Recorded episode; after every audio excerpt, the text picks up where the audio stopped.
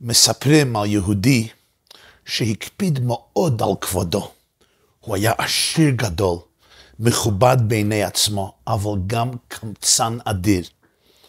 והוא הכין את הלוויה שלו. הוא כבר חשב על היום לאחרי המיטה, מה יגידו עליו, מה יאמרו עליו הבריות, איך, תהיה מסע, איך יהיה מסע הלוויה וכולי. הוא שמע שיש איזה רב נואם בחסד עליון, פה מפיק מרגליות, שהוא נותן את ההספדים הכי טובים, הכי מרגשים בעולם בעת לוויות. הוא צלצל לרב הזה ואומר, תשמע כבוד הרב, אני שמעתי עליך גדולות ונצורות, יום אחד יגיע תורי, אני גם אסתלק מן העולם, ואני רוצה שכבוד הרב יספיד אותי בלוויה שלי. הרב אומר, אין בעיה, אין בעיה, אבל אתה צריך לשלם. וכמה זה הספד? הרב אומר, תשמע, יש שלושה סוגים הספדים. אתה יכול לשלם חמש אלף שקל, זה הספד אחד. אתה יכול לשלם חמש מאות שקל, זה הספד שני. אתה גם יכול לשלם חמישים שקל. וואו, מה אני מקבל עבור חמש אלף שקל?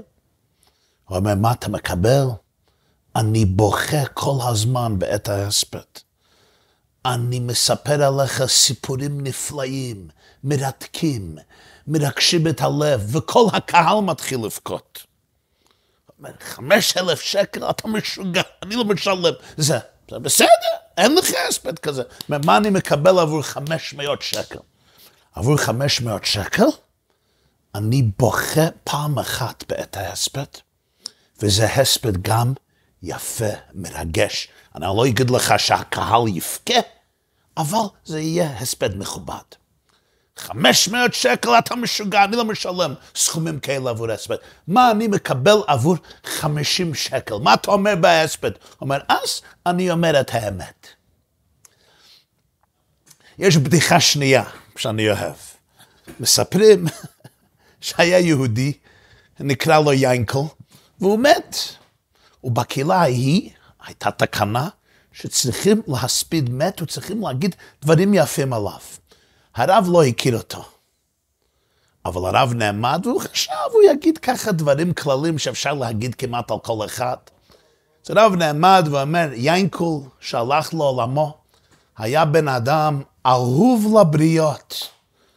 יהודי ישיש בתוך הקהל עומד, אהוב לבריות? מה אתה משקר בפני קהל ועדה? איזה אהוב לבריות? הוא שנא את כולם וכולם שנאו אותם.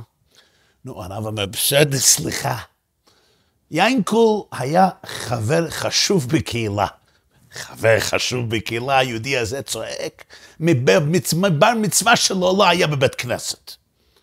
בסדר, יינקול נתן צדקה. מה הצדקה? לא העניק פרוטה להעניק כל חייו. הרב כבר לא ידע מה לעשות. אז הוא החליט שהולכים על דברים הפשוטים. מיינקל היה בעל טוב ואב מסור. היהודי הזה היה שש נעמד. לא היה ולא נברא, היה בעל מושחד, בוגד באשתו, ואף אחד מהילדים שלו לא מדברים איתו. הרב כבר עבד את עשתונותיו. הוא פונה ליהודי הזה שצועק ולקל ואומר, תשמע, אני לא יודע מה להגיד יותר, אולי אתה יכול להספיד אותו. אז היהודי הישיש הזה אומר, כן, אני אגיד עליו משהו יפה מאוד.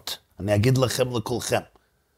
לגבי האח שלו, הוא היה צדיק. וכך נגמר ההספד.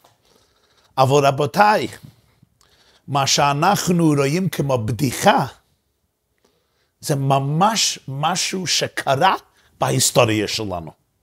זה מה שחכמינו, החכמים שלנו, זיכרונם לברכה, עשו לאיש היחיד בתנ"ך שנקרא צדיק. במה, דבר, במה דברים אמורים? התחלת פרשת נוח, ספר בראשית, פרק ו', פסוק ט'. אלה, כך מתחילה התורה לספר. אלה תולדות נוח. נוח איש צדיק תמים היה בדורותיו, את האלוקים הסהלך נוח. נו, כל מי ששומע את הפסוק מבין שיש פה מילה מיותרת.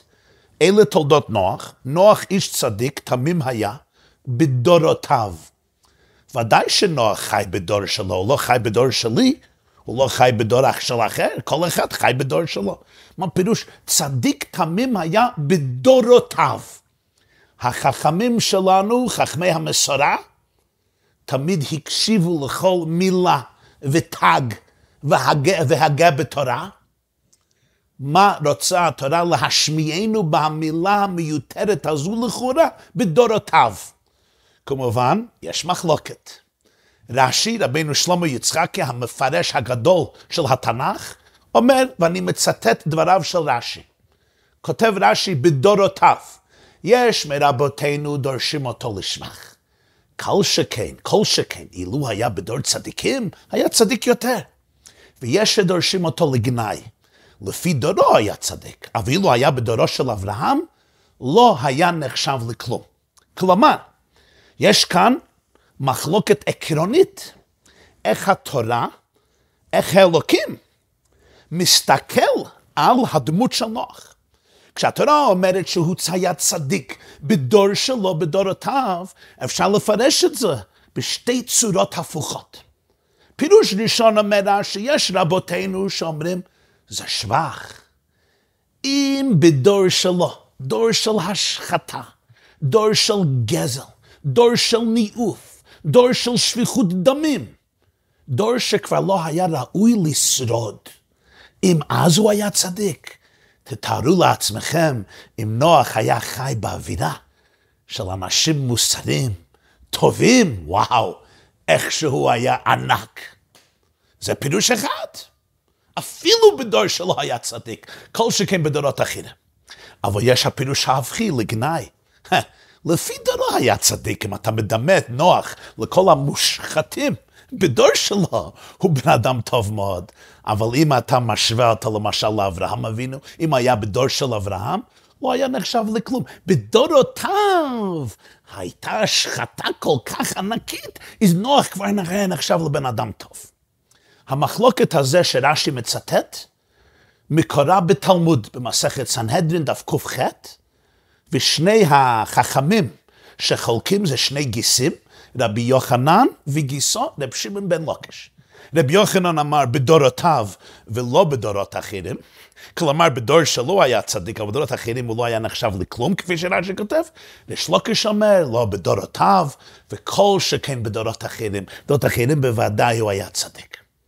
ופה אני שואל לכם, רבותיי, שאלה פשוטה. אני לא מבין, אני מבין את רבי יוח... שלוקש, אני לא מבין את רבי יוחנן. ואני לא מבין למה רש"י מצטט את הפירוש השני לגנאי. אם אתה או אני יכולים לפרש מילה בתורה או להגיד שהתורה רוצה להגיד שנוח היה איש מיוחד, מקסים, בן אדם באמת טוב, למה לדרוש אותו לגנאי כשאפשר לדרוש אותו לשבח? זו שאלה פשוטה מאוד, ובפרט במסורת היהודית. הרי אנחנו כולנו יודעים את המשנה בפרקי אבות. הווי דן את כל האדם לכף זכות. כשיש בן אדם פשוט, רגיל, לא מדברים על בן אדם שהתורה מדברת עליו, שהתורה קוראת לו צדיק, בן אדם שהציל את כל העולם מאיבדון, ממבול, בן אדם פשוט. אני רואה שהוא עושה משהו, ואני יכול ללמד עליו זכות, או אני יכול ללמד עליו חובה. התורה מצווה עלינו. הווי דן את כל האדם לכף זכות. וכאן, מה עושים עם נוח? אפשר ללמד עליו זכות, אפשר להגיד בדורותיו, וואו, וואו, וואו, ובדור אחר הוא היה יותר צדיק אפילו. בדור אחר ודאי היה צדיק גדול, אפילו בדור כזה היה צדיק. צריכים להגיד ולהגיד עליו גנאי. עוד יותר, יש גמרא מאוד מפורסמת במסכת פסחים, מסכת בבא בסרה. חכמינו ז"ל, זכרונם לברכה, אומרים, אפילו בגנות בהמה טמאה לא דיבר הכתוב. התורה לא רצה אפילו לדבר בלשון לא נקייה כלפי בהמה לא כשרה. מאיפה לומדים את זה? מפרשת נוח. כתוב שנוח הכניס לתיבה בהמה טהורה ובהמה אשר איננה טהורה. לא רוצים להגיד בהמה טמאה, התורה כותבת, בהמה איננה טהרה. כלומר, מהסיפור של נוח עצמו לומדים לדבר בלשון רגישה, אפילו כלפי בהמה, וגם בהמה לא כשרה, בהמה לא טהרה. לא תגיד בהמה טמאה, תגיד בהמה, זה אני לא מבין. כאן לא מדברים על בהמה. כאן לא מדברים על בהמה כשרה ולא בהמה לא כשרה, כאן מדברים על הבן אדם שהציל את כל הבהמות, ואת כל החיות, ואת כל העופות. הבן אדם שאלוקים קורא לו צדיק, ואותו צריכים לגנות, אותו צריכים להשפיל. אם אתה יכול להסביר את המילים, את המילה הזו בדורותיו בצורה חיובית, למה להציע שהתורה יצאה מגדרה והוסיפה מילה נוספת בדורותיו, רק כדי לבזות את נוח ולומר שהוא היה צדיק לגבי ערפאת, אחמדינג'אד, נסראללה, בן לאדן, רוואני. כן, כלפי הרשעים האלו, או, נוח בן אדם טוב, אבל תדמה אותו לאיזה צדיק גדול, הוא כבר כלום. ועוד לא מובן. השאלה הזו הייתה מעיקה לנו אפילו אם המדובר על כל בן אדם, בן אדם פשוט, בן אדם רגיל.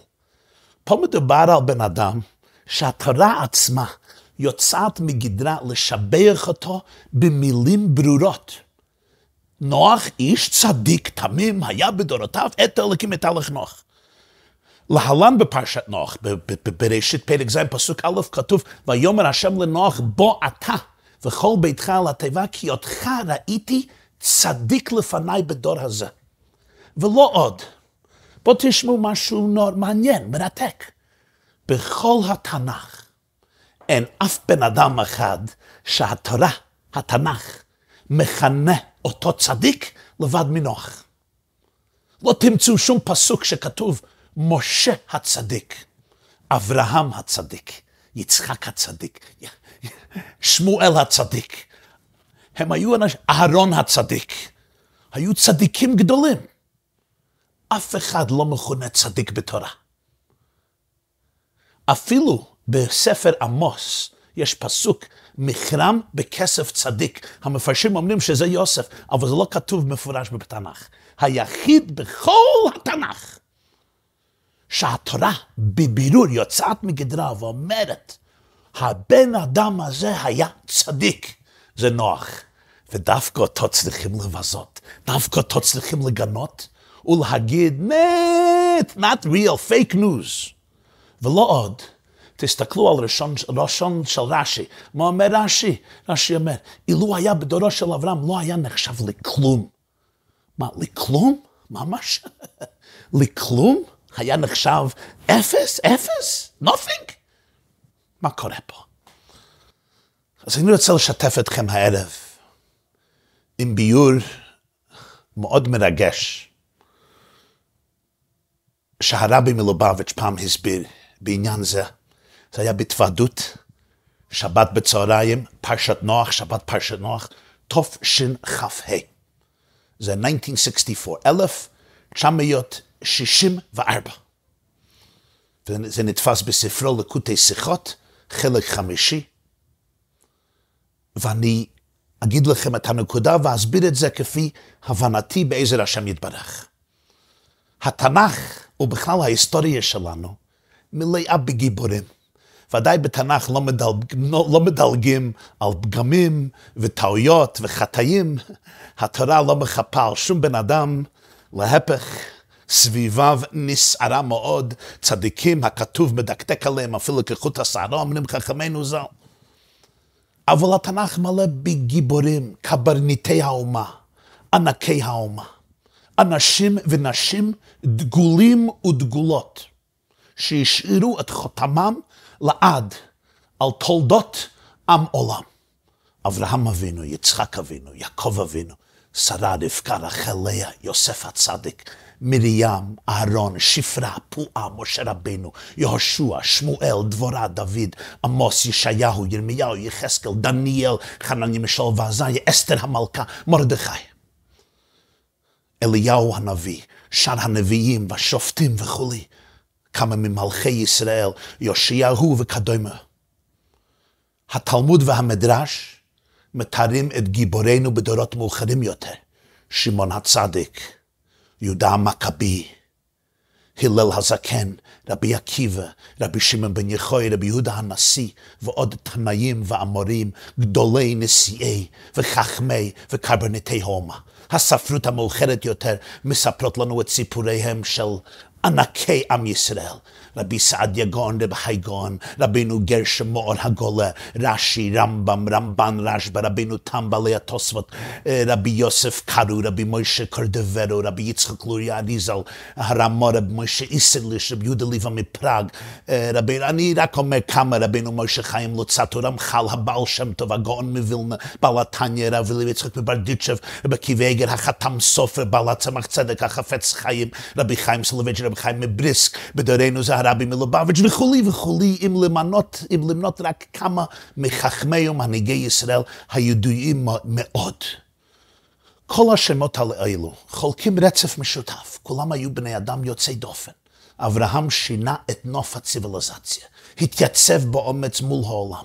יוסף סבל סבל נורא, אבל השפיע על כל העולם, הוא הציל משפחתו ואת כל מצרים מרעב. משה ניצח פעם ראשונה בהיסטוריה את העריצות והביא את דבר השם לעולם. כל שנה הגיבורים שנמנו היו נשמות יוצאות דופן.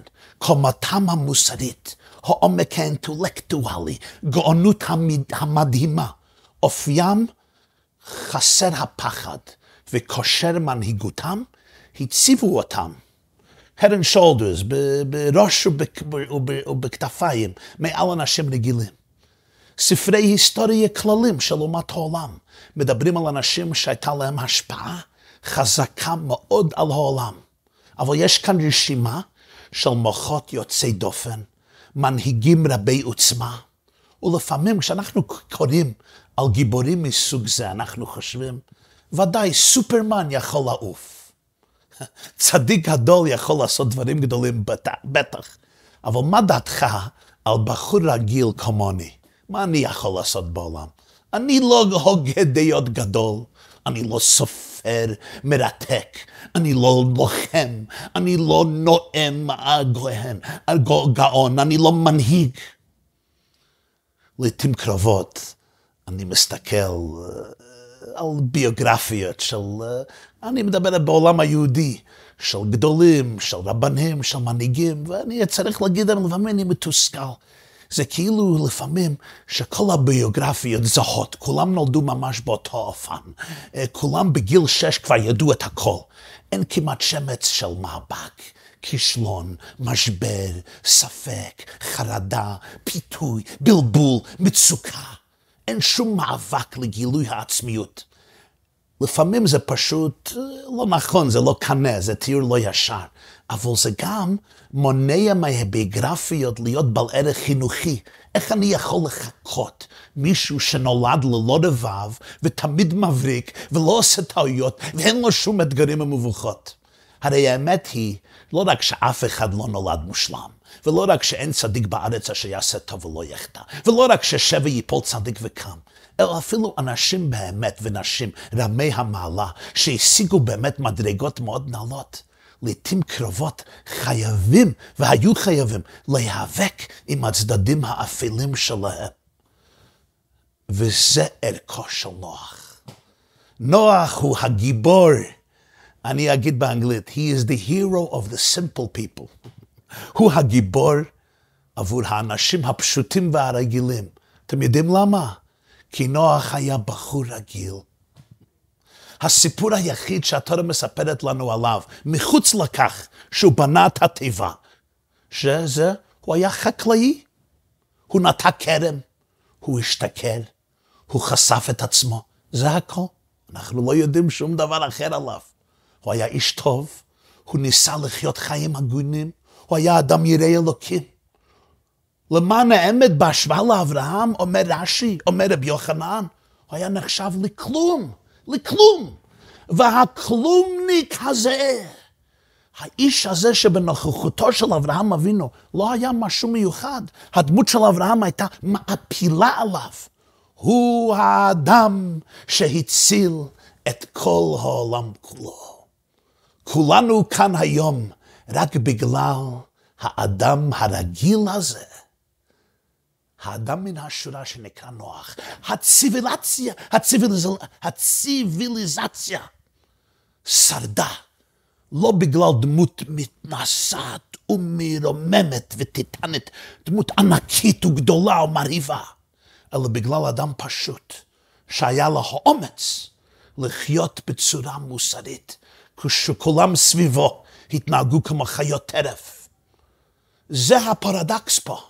על ידי זה שהחכמים לכאורה משפילים את נוח וקובעים שבדורות אצילים, שלגבי דורות אצילים אחרים, נוח לא היה מגיע לרשימת עשרת הגדולים, בגלל זה רבי יוחנן הפך את נוח לדמות מעוררת ההשראה הכי גדולה. עכשיו נוח הוא בן אדם שיכול לשמש מודל לכולנו. עכשיו נוח יכול לשמש גיבור, דוגמה חיה לכל אחד ואחד מאיתנו. רבי יוחנן ורש"י לא מזלזלים בנוח כשאומרים שהצדקות שלו היא רק יחסית. להפך, בכך הם הפכו נוח לדוגמה, לפרדיים, פרדיגמה עבור כל אחד מאיתנו ללמוד כיצד אפילו בן אדם רגיל ביותר יכול לעשות שינוי דרסטי, בסיסי, מהותי בעולם. המסר של נוח עוצמתי. אתה לא צריך להיות אברהם, משה רבנו, שמואל הנביא, דוד המלך, רבי עקיבא, בעל שם טוב, חפץ חיים, או אדמו"ר מלובביץ', לשנות את החברה. נוח היה איש רגיל, אולי הוא אפילו אהב את הטיפה המרה, ותראו מה הוא עשה, הוא שינה את העולם. גם אתה לא צריך להיות גדול הדור כדי לחולל שינויים עם עדינות, עם ידידותיות, עם מוסריות, עם חמלה, עם אומץ, עם טוב לב, עם אהבה, עם אכפתיות, עם דבקות באמת. אתה יכול להציל חיים, להצית ניצוצות וליצור תיבה של שפיות בתוך מבול משתולל. אתה גם יכול להציל נשמות, להגביה לבבות, לחבק, לחבק נפשות ולהכניס אור בתוך חושך. נוח לא היה קדוש עליון, הוא לא היה מלאך. ברוך השם אני אומר. שמעתי מספיק סיפורים על מלאכים, עכשיו תספרו לי על אנשים אמיתיים. אותנטיים, על אנשים שיש להם אתגרים, כמוני, על אנשים שיש להם רגעים של הוד, אבל גם רגעים של חושך ומבוכה, וזו תרומתו של לא יסולה בפז של נוח. הבחור, הוא כבר לא היה בחור, היה בן 500, 600, כשהגיע המבו, שניסה לעשות את הדבר הנכון, כשכולם סביבו ירדו לאדישות ושכיחות. ותראו מה הבן אדם הזה השיג. שחה נגד הזרם והציל את כל כדור הארץ וכל האנושות עד היום הזה, ולכן הוא הגיבור של האנשים הפשוטים. הוא השראה עבור אלו מאיתנו שנראים בעיני עצמנו חסרי משמעות. אתה אומר לעצמך לפעמים שאתה חסר משמעות. את אומרת לעצמך, מי אני ומה אני? הבן אדם הזה שלכאורה לא היה חשוב בכלל, קוראים לו כלומניק. הוא הציל את העולם. הוא מראה את הכוח לכל אחד ואחת מאיתנו, שלפעמים מחשיב את עצמו ככה. I'm a small person. כן, I'm also a small person. אבל בהשקפת היהדות אין דבר כזה. כי את ואתה יכולים להציל עולם. מספרים על מערה קטנה שאספה כוכבי ים, starfish, שנתקעו בחוף הים ככה, כשהגלים חזרו, אז הדגים הקטנים האלו, הסטארפיש, נתקעו שם. והיא לא רצתה שימותו, אז היא שלחה, היא, הנערה השליחה אותם בחזרה לים כדי להציל אותם. נו, ניגש אליה אדם מבוגר שהיה קצת ציני, ואומר, ילדה מטופשת, החוף הזה נמשך עשרות קילומטרים. יש פה עשרות אלפי, אולי מיליוני כוכבי ים. אפילו אם את עומדת פה כל היום וזורקת דג אחר דג אחר דג, המאמצים שלך חסרי תועלת. את לא עושה כלום, זה לא משנה, המאמצים שלך שווים כלום, אפס. הילדה הגביה כוכב ים אחד, וכשהיא שליחה אותו למים, היא אומרת לבן אדם הזה, עבור דג הזה, המאמץ שלי שווה הכל. For this fish, I made all the difference. יש כוכב ים אחד שעבורו או עבורה, את או אתה, יכולים לעשות את כל ההבדל. אני רק אחד, אבל אני אחד. אתה רק אחד, אבל אתה אחד. אני לא יכול לעשות הכל, אבל אני, אני יכול לעשות משהו. ומה שאני יכול לעשות, אני צריך לעשות. ואת זה אני אעשה בעזר השם. נוח היה איש פשוט, הציל את העולם. גם אני ואתה ואת יכולים להשפיע על עצמנו ועל העולם. תודה רבה.